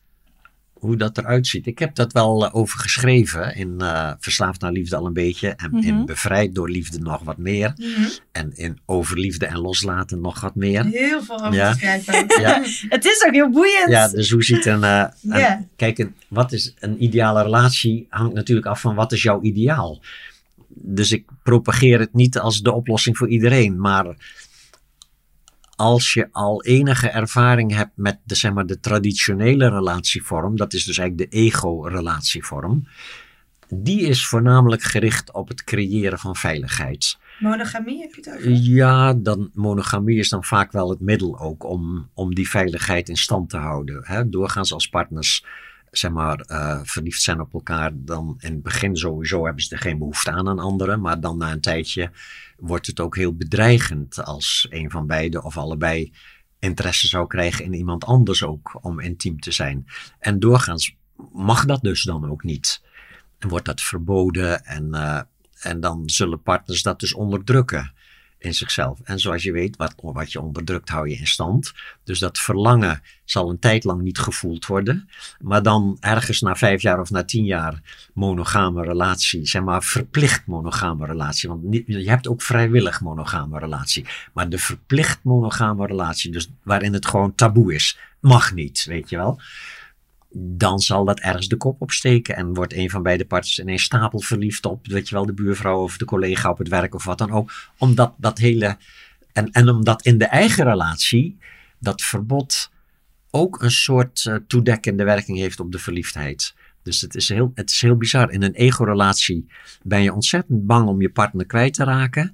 Dus moet je elkaar voor iedere keer geruststellen. Die geruststelling maakt dat de liefde telkens verdwijnt, geleidelijk aan verdwijnt. In het begin nog niet meer zo, maar dan na een paar jaar wordt het maar normaal hè, dat hij of zij gewoon elke dag bij je is. En dan verandert verliefdheid dus in veiligheid. Dan ga je je veilig voelen bij iemand. Dan kan je na een tijdje kan je, je niet eens meer voorstellen dat die ander ooit nog bij je weg zou gaan. Of zelfs maar jou in de steek zou laten of dat soort dingen. En dat is dus die veiligheid is dus waar, waar de traditionele relatie op gericht is. En helaas, het is een schijnveiligheid. Want je kan 20, 30, 40 jaar samen zijn en, en nooit bang zijn geweest dat je partner er vandoor ging. En op een dag gaat hij er vandoor. Dat, of gaat hij dood overigens. Dat is ook een manier waarop je hem nog. kwijt kunt raken. ja. ja. Dus een gezonde spirituele relatie heeft niet per se met dat soort veiligheid Nee, te dus maken. de, dat is dus het hele punt. Wat, dus naar mijn idee, een spirituele liefdesrelatie begint als beide partners spiritueel zeg maar, geïnteresseerd zijn. En dus zien dat alle nare gevoelens in feite je eigen verantwoordelijkheid zijn. Dus ook als de ander de aanleiding is tot dat nare gevoel. Ja? Dus, dus bijvoorbeeld, de partner uh, laat een paar dagen niks van zich horen. Jij stuurt sms'jes en er komt geen antwoord op. Je voelt je onzeker, weet je wel. Doorgaans vind je dan dat die partner verkeerd bezig is. Die is dan onattent of wat dan ook, weet je wel. Of, en dan ga je hem dat verwijten. En dan ga je proberen om hem te, zo te regelen dat hij vervolgens dus wel op je sms'jes reageert of op je appjes. Zo, dus je, je, je stelt de partner verantwoordelijk voor jouw Gevoel. ongemakkelijke gevoelens. En, en dat is dus het gebruikelijke systeem, is dat die partner dan inderdaad bepaald gedrag gaat amputeren bij zichzelf, of onderdrukken of verbergen. Dat iets stiekem wat dan ook gaat doen. En dan krijg je dus dat de vergroeiing van twee ego's. Nu, in een spirituele relatie ga je ervan uit, nee, we zijn twee zelfstandige mensen of willen dat worden. Ja, soms het nog niet helemaal, maar dan wil je het worden. En ik neem verantwoordelijkheid voor al mijn gevoelens. Al mijn blije en al mijn pijnlijke gevoelens zijn in feite mijn eigen geest. Spelen zich af in mijn eigen geest. Zijn niet wie ik werkelijk ben, maar is mijn aangeleerde zelfbeeld. En is het dan ook handig om daar het met elkaar over te hebben? Absoluut, dan moet je Ja, met toch? elkaar praten. En, want in het begin ben je niet twee verlichte mensen. Je bent twee ego's. Ja. Die dus ook heel erg de neiging hebben om zich aan elkaar te hechten. En om elkaar te verwijten als het even niet lekker loopt en zo, weet je wel. En dat moet je dus allemaal, mm, dat moet allemaal dus in feite mogen ook. Dus het is zeker niet meer strengheid, meer regels. Nee, het is eigenlijk meer humor. Ja, Meer lichtheid. lachen maar wel meer soort van, ja, van je moet het wel delen. Oh, wat je daarnet zei, dat maakte mij kwaad, weet je wel. Dat is iets anders dan dat je meteen zegt van, wat ben je toch ook een trut, ja. weet je wel. Of, het ga, of het gaat opvreten in jezelf Ja. en dat hij later ja, opgestaan dat je uitkomt. om de lieve vrede als het ware dan maar Ja. je mond houdt, weet Ja. je wel. En hoe, hoe kan je herkennen? Nou, ik heb bijvoorbeeld een relatie. Hoe kan ik herkennen dat ik dan in die relatie verslaafd ben aan die liefde? Zijn dat dat soort gedachten? Ik denk dat het begint met eh, inderdaad met als je dingen begint te laten uit een soort bezorgdheid. Dingen begint te verbergen uit een soort bezorgdheid. Als je om de willen van de lieve vrede dingen verzwijgt. Dat bepaalt gedrag van de ander wat je eigenlijk niet leuk vindt. En je hebt misschien alles geprobeerd om er iets van te zeggen, maar dat werkte averechts. Hè? Want dat voelde de ander als afwijzing en dus wees die terug af. Ja. Dat is immers de gebruikelijke manier. Nou, dan denk je al, oké, dan moet ik dus mijn mond over houden. Ja, en dan gaat het meestal geleidelijk aan mis. Dan, Ja. dan ga je als het ware ondergronds met je.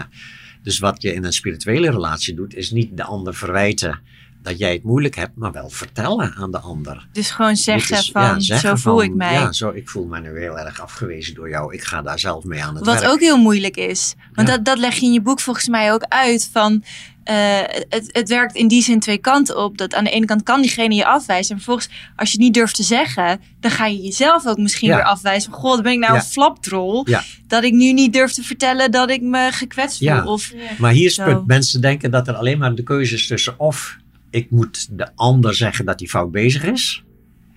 Of ik moet mijn mond houden en dan wijs ik mezelf af. Dus alsof er alleen maar een keuze is tussen of ik wijs hem af, ja, Of de ander af, of ik wijs mezelf af. ja. Maar dat is dus inderdaad vanuit het ego is er geen andere keus. Maar vanuit de spirituele visie begint het met eerst jezelf niet af te wijzen. Ik mag me gekwetst voelen. Is heel normaal dat ik in zo'n situatie mezelf gekwetst voel. Is mijn geest die dit doet. Ja? Is mijn ego wat zich gekwetst voelt. Ik ga dit zelf liefdevol omhelzen. Ik mag dit voelen, weet je wel. Meestal komt er dan al wat ruimte omheen. Dat het Dan maakt. kan je natuurlijk tegen je partner, maar dan zeg je iets heel anders. Dan zeg je niet van verdomme nog aan toe, weet je wel. Wat een rotopmerking was dat daarnet. Nee, dan zeg je wat je daarnet zei. Dat triggerde bij mij enorme naar gevoel van zelfafwijzing. Ik zag het gebeuren. En, en als nou ik erover nadenk, ja, mijn vader deed dat vroeger ook. Dan plaats je het ook nog een beetje in dat perspectief van hoe heb ik dit leren? Hoe is deze reactie aangeleerd? Mijn vader kon soms ook gewoon een beetje lacherig, maar dan voelde ik me zo weggezet.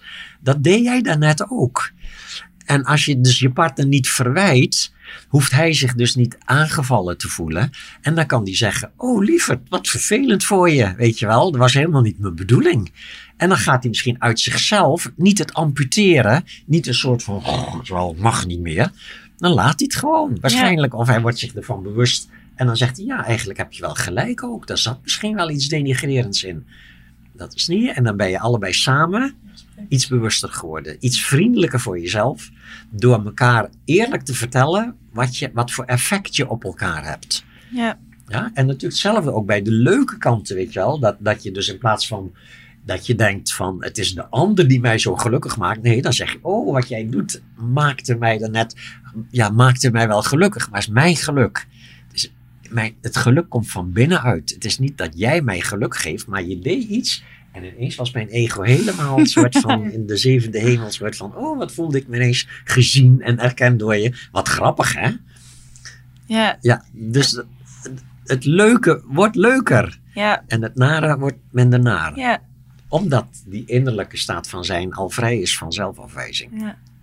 En hoe is dat voor jou? In jouw, jij, hebt, jij hebt een relatie, Nu toch? niet, nee. Nu nee, niet. Niet, niet, een, niet een, zeg maar, zo'n soort, ik heb wel Niet zo'n soort vriendinnen, relatie. maar Ja, ik heb niet echt een, Nee. Een want, want een spirituele relatie is wel een relatie waarin twee ego's verstrengeld raken. Dat kan je niet voorkomen ook. Nee. Moet je ook niet proberen, want dan wordt het een soort van, ik, ik ga me aan niemand meer hechten. Ja, weet je wel? ook en dat is, dan een soort quasi-soort spirituele houding, maar in feite is dat gewoon bindingsangst met een soort spiritueel sausje erover. Oh ja. Dus nee, als je echt verliefd bent op iemand en het is wederzijds, dan ontstaat dat proces van ego's die zich willen hechten aan elkaar. En je moet hechting niet proberen tegen te houden, want dat is eigenlijk ongezond. Hechten is op zich gezond. Ego's hechten zich. Ja. Ja. aan je partner, aan je kinderen, aan je ouders eventueel ook. Dat is normaal. Alleen de spirituele beoefening zegt niet, je, je mag je niet hechten. Het zegt alleen, jij bent die hechting niet. Jij hebt die hechting. En daar kan je dus een soort ruimte omheen ervaren, waarin je vrij bent om je te gedragen volgens die hechting, of juist je los te maken van die hechting. En hoe zorg je dan dat je die vrijheid behoudt in een relatie? Want je ego zou misschien toch automatisch neigen om te hechten, misschien een bepaald soort van Ja, ego hecht zich. En dus door, ja, door voornamelijk door toch telkens heel eerlijk te zijn over wat je ervaart Ja. bij je partner. Wat je partner als het ware teweeg brengt in jou. Daarin elkaar ook erkennen. En bijvoorbeeld, stel dat jij het gevoel hebt dat je partner. Bijvoorbeeld, je partner is eh, ineens werkloos en komt in een soort onzekere periode terecht. En dan merk je dat hij zijn tijd niet goed gevuld kan krijgen. En dat hij dus aan jou begint te trekken. En, dat, en een tijdje ging het hartstikke goed, maar ik vond het wel leuk dat je wat meer aandacht kreeg. Maar het wordt een beetje too much eigenlijk. Is eigenlijk gewoon elke avond wil die samen zijn, weet je wel. En dan zou je dus op een gegeven moment, moet je gewoon eerlijk zeggen van lieverd, ik heb het gevoel dat je mij nu aan het gebruiken bent om je eigen probleem op te lossen. Ja, en dat vind ik niet gezond. En dus dat, Dat- is dus iets anders dan zeggen, ik wil niet met jou zijn vanavond, maar Ja, heel erg benoemen hoe... Ja. eh, Dus dat sowieso, dit vinden veel mensen heel schokkend, maar samenwonen is wel heel lastig om dan spiritueel te blijven. Ja, samenwonen zou je kunnen zeggen is funest voor de liefde. Oh. Samenwonen, de hele dag samen zijn, dat levert zo'n gewenning op. Ook als je gewoon het gros van de deel op werk bent, bijvoorbeeld? Nou, dat helpt dan wel iets wel. natuurlijk. Hè? En als je dan ook eh, niet elke vrije moment samen bent, maar ook nog je eigen vriendenkring houdt. En, ja. weet je wel, en eventueel een eigen zelfs leven leidt. een eigen eigenlijk. leven blijven leiden. Als je dan in Nee, één huis woont en eventueel ook als je bijvoorbeeld de een komt veel later thuis dan de ander al, dan zou je ook nog een apart bed moeten hebben om apart te kunnen slapen zonder dat dat meteen duidt op crisis. Ja. Ja, dus dan zou je eventueel, weet je wel, als je een ruim huis hebt, kan je dat zou het wel kunnen. Hier zou het passen. Ja, in principe dus dat, dat wennen aan elkaar s- aan samen zijn is in feite een soort van gewenning, een soort verslaving zit daarin. Ja, ook wel dat heel ongemerkt sluipt dat er dan in. Dat Ja. Juist in het begin vind je dat hartstikke leuk, maar als je, als je na vijf jaar iemand elke ochtend naast jou wakker wordt in bed, veet maar normaal. Ja. Ben je zo aan gewend tot op de dag dat die persoon ineens weg is. En dan valt er dus een enorm gat in je zelfbeeld. Doet heel veel pijn, Ja. heel veel verdriet, heel veel ellende, heel veel angst. Ja, dus dan zie je ineens van, jee, wat was ik verslaafd geraakt. Ja. Ja, dus dat kan je een beetje, zeg maar, dat kan je een beetje benutten in plaats van, ja, dus je moet ook weer, ook weer niet soort van, dan mag je dus nooit samen zijn, want dan ga je weer te veel naar die kant Nee. van bindingsangst. Ja, dus nee, je kan genieten van elkaar, maar, je, maar iedere keer als je genoten hebt van elkaar ook weer jezelf terugvinden. ja. En daarvoor is apart wonen is eigenlijk de beste manier. En Genoeg betekent afstand. dat dan dat jij, als je je krijgt ooit een relatie weer, dat je dat dan, dat je niet zou samenwonen? Nee, samenwonen, dat zou al Nee. heel erg, of het moet zoiets zijn als hier, die luxe hier van mijn huis. Iedereen huisje een apart naast. huisje naast Ja, elkaar. twee huizen vlak naast elkaar, dat zou nog kunnen. Als je dan ook werkelijk in staat bent om alleen bij elkaar te zijn als je het allebei wil. Ja. Ja, en Zou ook, dit- en ook Ja, van als je dan Ja, eens een keer een moeilijk moment hebt, dat je dan niet meteen Ja, bij de ander binnenloopt om van je moeilijke moment af te komen. Ja. ja. Dat daar dus dat bewust van zijn. En dat gebeurt natuurlijk Want zou, zou dit jouw jouw tip zijn voor een succesvolle relatie? Blijf dus vooral bij jezelf en neem die tijd voor jezelf. Ja, ook. dat hele idee wat partners vaak hebben als ze onwetend zijn hierover, is juist dat hoe meer je opgeeft van je eigenheid, hoe meer je investeert in een goede relatie. Dus investeren in een relatie is, is een eufemisme voor jezelf amputeren. Ja, Ja, en een soort vergroeien met een ander. ja, Dus nee, investeer niet in een relatie, investeer in je zelfstandigheid. Ja, en je gaat zien, je liefde blijft dan veel bruisender als, alsof je elkaar pas kent. Dat op een bepaalde manier. Natuurlijk ontstaat er ook een soort vertrouwdheid in het spel wat je speelt. Ja? Het is een soort liefdespel van eerlijk delen. Soms is dat blijft gewoon moeilijk als je een nare emotie hebt om dat dan maar te zeggen tegen de ander. In plaats van te proberen om het weg te douwen of wat dan ook. Hè? Dus als je dat geleidelijk aan leer je dat je een partner hebt die dan onmiddellijk beseft dat je iets moois hebt gedaan. Weet je wel, dat je, dat je iets deelt. Dat je dan niet zegt van, hè, verdomme nog en toe, ik heb helemaal geen zin in je gezeik. Maar dat je dan zegt, lieverd, wat goed dat je dit met me deelt. Wat moedig van je, of zo. Hè? Ook bijvoorbeeld dat de partner die voor het eerst dan ehm, interesse krijgt in een derde persoon, ja, buiten de relatie. Ja, vaak duurt dat een tijdje, want in het begin ben je zo vol van elkaar. Maar dan na een tijdje ontmoet je iemand waarbij je toch zegt van, oh, wat leuk, weet je wel. Meestal houden partners dat geheim voor elkaar. Laat ik maar niet te veel erover zeggen, want dan gaat ze ongerust worden en ik heb helemaal niets, geen bedoeling of zo. Als je van meet af aan ook zegt, ik kwam vanavond daar en daar, weet je wel, en dan zag ik een vrouw of een man, weet je wel. Nou, ik had even echt soort van soort van wow, weet je wel, gevoel erbij. En als dan de partner zegt, wat leuk dat je dit met me deelt. Ja, dank je wel. Weet je wel, wat een vertrouwen.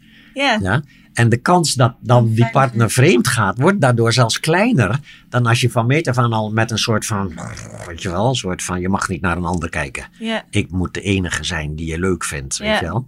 Terwijl dat heel onrealistisch is dat heel natuurlijk. onrealistisch is, ja. Ja.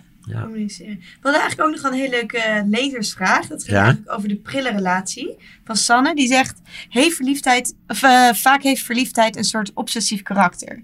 Wat zorgt voor een soort onecht gedrag. Ja. Ehm, dus denk aan je beter voordoen dan je bent. Je bent zenuwachtig. En zij vraagt zich af, is dat eigenlijk wel de goede basis voor een relatie? Of, vraagt zij, is een duurzame liefdesrelatie iets wat veel geleidelijker groeit. En daarom niet zo explosief begin nodig heeft. Ja, ze, ze heeft ook Ja. een hele mooie quote uit het boeddhisme daarover toegevoegd. Die zegt, eh, althans de quote is: The Buddhists say if you meet somebody and your heart pounds, your hands shake, your knees go weak, that's not the one. When you meet your soulmate, you will feel calm, no anxiety and no agitation. Ah, Oké.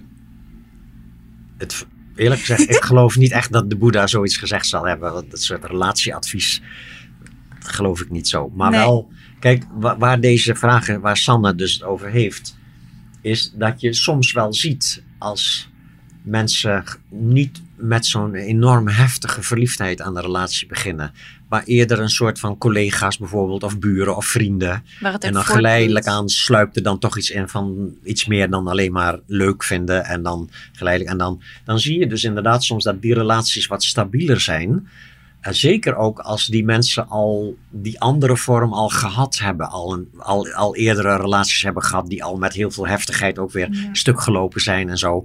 En die dus ook daardoor iets wijzer geworden zijn. Hoeft niet eens vanuit spirituele visie te zijn, maar iets wijzer geworden zijn van dat ze niet hun hele hebben en houden meteen in die relatie gooien. Beetje je eigen vriendenkring houden, je eigen inkomens, als inkomens gescheiden houden bijvoorbeeld. Dat soort dingen, dat leer je dan geleidelijk aan. En, en niet de hele tijd samen zijn en zo. Hè? Ja, Dus dan ben je iets relaxter als het ware. En dat is dan al een vorm van stabiliteit. Tegelijkertijd, je hebt het niet voor het zeggen. Dus Sanne kan wel denken van, oh, dit is geen goede basis voor een relatie. Want ik vind hem heel leuk. Want ik vind hem zo leuk dat ik zenuwachtig ben en met Ja. knikkende knieën. Maar niemand gaat dan zeggen van, oh, ik heb knikkende knieën. Oh, de Boeddha zei, dit is geen goede basis, dus we dan stop maar ik er maar mee. niet. Nee, Nee, precies. Nee, dat is gewoon totaal zeg maar Nee. dwaasheid om te denken dat je dan die controle zou hebben over Ja. jezelf. Dus eh, nee hoor, soms eh, overkomt het je dat je ho- hotel de botel bent en soms overkomt het je dat je wat geleidelijker in een relatie terechtkomt. En het hele idee dat je daar controle over zou hebben is al een onderdeel van ego's misvatting. Dat je überhaupt controle hebt over de werkelijkheid. En Ja. de werkelijkheid eh, ont- ontrolt zich en hoe beter jij kunt snappen dat dat allemaal als het ware gewoon volmaakt is. En je dus veel minder hoeft te regelen van dit wil ik niet en dit moet ik vasthouden en zo. Jawel, al dat kippendrift gedoe van ego om zijn, zijn leven in een bepaalde richting te krijgen waarvan jij denkt dat het misschien wel het beste is, levert zoveel extra ellende op. Ja. dus dat kan je dan afleren en gewoon zeggen, oh weet je wel, eh, ik, hè, ik had het zelfs toen ik op mijn vorige partner, toen ik daar verliefd op werd, toen wist ik al, gewoon was ik al zover dat ik dacht, jemig, wat gaat dit pijn doen, weet je wel. Hard rains are gonna fall, zong ik voor haar, weet je wel. Maar ja, tegelijkertijd, je gaat dan natuurlijk niet zeggen van, ik begin er niet aan. Nee. Het was zo fantastisch leuk ook, zo fantastisch leuke relatie gehad. En heel pijnlijk toen het uit elkaar ging, maar toch tegelijkertijd ook van, nou ja, wat een waanzinnig mooie, leuke, fantastische relatie is dat geweest. Het is een mooie tijd geweest. En daar leer je dan ook wel Ja, weer heel veel van, geleerd, ja. Ja. En dan in het, ook in het loslaten ook. Eerst Ja. in het, weet je wel, op een spirituele manier met elkaar proberen om te gaan. En dan weer in het op een spirituele manier proberen elkaar los te laten. En nou, nou fantastisch zo, ja. Dus We hebben nog een hele mooie, di- diepe vraag. een diepe vraag. Ja. Even, even off-road gaan we nu ook, denk ja, ik. ik denk ook, we zitten een beetje naar het einde van de podcast zijn al lang aan het kletsen. Ehm, deze vraag is, ehm, en misschien ligt het wel heel erg in lijn met het spirituele pad dat jij beoefent, waar je mee bezig bent, waar wij eigenlijk eh, ja, de hele tijd over hebben gesproken. Wat is het doel van het leven? Het doel van het leven. Is dat misschien het spirituele pad waar jij mee bezig bent en wij misschien allemaal een klein beetje? De doel van het leven, de zin van het leven heet het ook wel eens, hè? Wordt het ook wel eens? Ja. Kijk, eh, ik vind het hele, de, de hele vraag is als het ware is eigenlijk een, een, een filosofische vraag. hè. Het gaat over denken. En, en je wil een soort idee hebben van, oh, dit is dus het doel. Weet je wel, vroeger had, was het doel van in de hemel komen, weet je wel, bij God de Vader en dan eh, voor de rest van de eeuwigheid gelukkig zijn. Zo, nou, dat begint wat, mensen beginnen dat te doorzien als toch wel tamelijk, zeg maar, een soort kinderlijk sprookjeachtig iets. Hè? Dus wat zou dan het doel zijn? Hè? Dus het, het- de traditionele zingeving verdwijnt, hè? de ouderwetse religieuze zingeving verdwijnt. En dan ga je op zoek naar zingeving. Maar wat is zingeving eigenlijk? Ik bedoel, iemand die s'morgens wakker wordt en zin heeft in zijn dag, die vraagt zich helemaal niet af wat de zin is van het leven. Dus het is vaak een piekervraag. Ja, En, eh, en dus zin of zinloos is een stemming die je hebt. En niet een soort inzicht in de werkelijkheid. Dus, dus ik heb het hele idee dat de werkelijkheid is nog zinvol, nog zinloos. Geen van beide kan je zeggen over de werkelijkheid. De werkelijkheid is gewoon. En dat is het mooiste wat er is. Zijn, zonder oordeel. Zijn, zonder het moet beter. Zijn, het moet veranderen in iets anders. Nee, We moeten zijn. daarheen. Ja, We- het ja. moet daarheen. En natuurlijk, tegelijkertijd heb je ontwikkelingen in positieve en in negatieve zin. Je hebt dagen dat het mee zit en je hebt dagen dat het tegen zit. Hè? Je hebt periodes van heel veel oorlog in de wereld. Je hebt periodes van vrede in de wereld en zo. En natuurlijk heb je daar een soort van... Ja, is het zinvoller om vrede te hebben dan oorlog te hebben? Dus je kan niet zeggen van alles is even goed of zo. Op dat niveau heb je lijden en je hebt geluk. dat hoort er altijd te Ja, zijn. dat gebeurt gewoon. Maar als je nou zegt van, is er een soort totaal soort doel, alsof er buiten de schepping een soort doel is waar de hele schepping op gericht is. Nee, de schepping is in zichzelf volmaakt. Ja. En hoe meer je dat kunt ervaren, hoe meer zin je hebt in je dag, als het ware. Hoe leuker je het vindt om jezelf te zijn en om je dingen, de dingen te doen die je doet. En dan ga je dus ook niet, het ego wil graag dat zijn dingen zinvol zijn. In de betekenis van dat andere mensen het zinvol vinden. Ja, dat mensen zeggen, oh ik heb zo'n zinvol werk, want ik help tien mensen per dag help ik aan, weet je wel, dit of dit of dat. Ik heb zoveel, hè, je ziet dat bij artsen bijvoorbeeld ook, hè. Die hebben vaak ook zo'n uitstraling van dat ze ontzettend soort van eigenwaarde hebben, hè. Dat ze elke dag levens redden en mensen gezond maken en dat soort dingen. En overigens ook dat ze diep in de put zitten als er dan toch iemand doodgaat terwijl ze het niet geholpen hebben. En, fijn, dat is allemaal het ego-niveau. Ja. Ja, maar da, dat, gewoon dat allemaal dan zien als inherent waardevol. Denk dat dat het gewoon is. Dus dan maak je gewoon op je kussentje, zonder dat je iets anders hoeft te ervaren dan wat je ervaart, maak je contact met een soort inherente waardevolheid. Just be. Ja, en dan zou je kunnen zeggen, bewustzijn, wat we dus werkelijk zijn, heeft wel een soort neiging om te willen groeien. Dus bewustzijn heeft groeit. Als je zeg maar, de geschiedenis terugkijkt, mensen zeg maar nu en duizend jaar geleden, denk ik dat we nu bewuster zijn van een aantal dingen in onszelf en in de wereld. Zowel door de groei van wetenschap als door de groei van spiritualiteit. Als je kijkt naar een miljoen jaar geleden, waren er helemaal nog geen mensen, voor zover ik weet hoor, maar waren alleen maar dieren als het ware. Dieren hebben in zekere zin een lager bewustzijn. Ja, en dat, maar dat wil groeien. Dus het begon met eencellige en dan meercellige en dan reptielen geloof ik en amfibieën en dan kwamen de zoogdieren en de vogels en de zoogdieren. Daar zit groei van bewustzijn in. Dus bewustzijn wil groeien. En in ons elk mensenleven zie je het ook. Binnen één leven zie je ook. Als je jezelf vergelijkt met tien jaar geleden, twintig jaar geleden. Op een of andere manier word je je toch geleidelijk aan bewuster van dingen. Soms door schade en schande heet het dan wijs worden. En zo. En dat is dus een soort eeuwigdurend proces, denk ik. Groei van bewustzijn. Dus dat zou je ook een soort zin van het leven kunnen noemen. Ik denk bewustzijn wat groeit, voelt zich gelukkig. Bewustzijn wat zich beknelt. Hè? Dus wat niet groeit, maar wat het gevoel heeft dat het niet kan groeien. Je hebt soms periodes, hè? bijvoorbeeld periodes van een verslaving. Periodes van eh, depressie of dat je een tijd lang in een baan zit die je helemaal niet leuk vindt, maar je durft er niet uit. Of je hebt al een tijd lang een relatie en het werkt niet lekker meer en je bent bekneld en je durft niet te stoppen. Dat zijn momenten waarin we ons ongelukkig voelen, omdat bewustzijn dan het wil groeien en het durft niet. Ja, en dan komt op een dag, knalt het op, weet je wel, burn-out, eh, eenzaamheid, relatie-ellende. En dan via de ellende gaat het weer stromen. Ja. Ja, en dan ontstaat er dus weer groei van bewustzijn. Dus je ziet dat bijna een soort van, zoals het water van een berg geleidelijk naar de oceaan stroomt. Weet je wel, zo wil bewustzijn alsmaar uitbreiden. Ja. Alsmaar meer, als het ware, omvatten. Ja. Prachtig. Ja, een mooi eind misschien, denk Ja. ik. Want echt, we zijn echt volgens mij heel lang aan het kletsen. En ik zou nog zo uren door kunnen gaan. Ik zit, Ja, hier, de- ik de- zit hier ook heel relaxed, moet ik zeggen. Ik kijk gewoon recht in het gras hier achter. Zonnetje op ons gezicht. Ja. Niks mis mee. Dit is anders dan het kantoor waarin ik dagelijks zit. Nou Ja. Jan, super erg bedankt dat we hier Ja. bij jou mochten aanschuiven. Ja. Heel bijzonder. Ja, heel bijzonder. Als je meer wilt weten over jouw cursussen of wellicht meer over de meditaties. En Ja, kijk maar op eh, mijn website. kijk, jangeurts.nl Ja. Met een Z. met een Z. Ja. Jan Geurts, inderdaad. Ja. Helemaal goed. Nou, voor iedereen die luistert, hartstikke bedankt. Vond je het een leuke aflevering? Laat dan even een review achter op iTunes of Spotify. En als je vragen hebt voor ons of voor Jan, stuur dan een berichtje ons naar ons op Instagram. Of je kan altijd ook een mailtje sturen naar info.bedwork.nl. En dan hoor je volgende keer van ons met een nieuwe gast. Yay. Oké. Tot de volgende keer.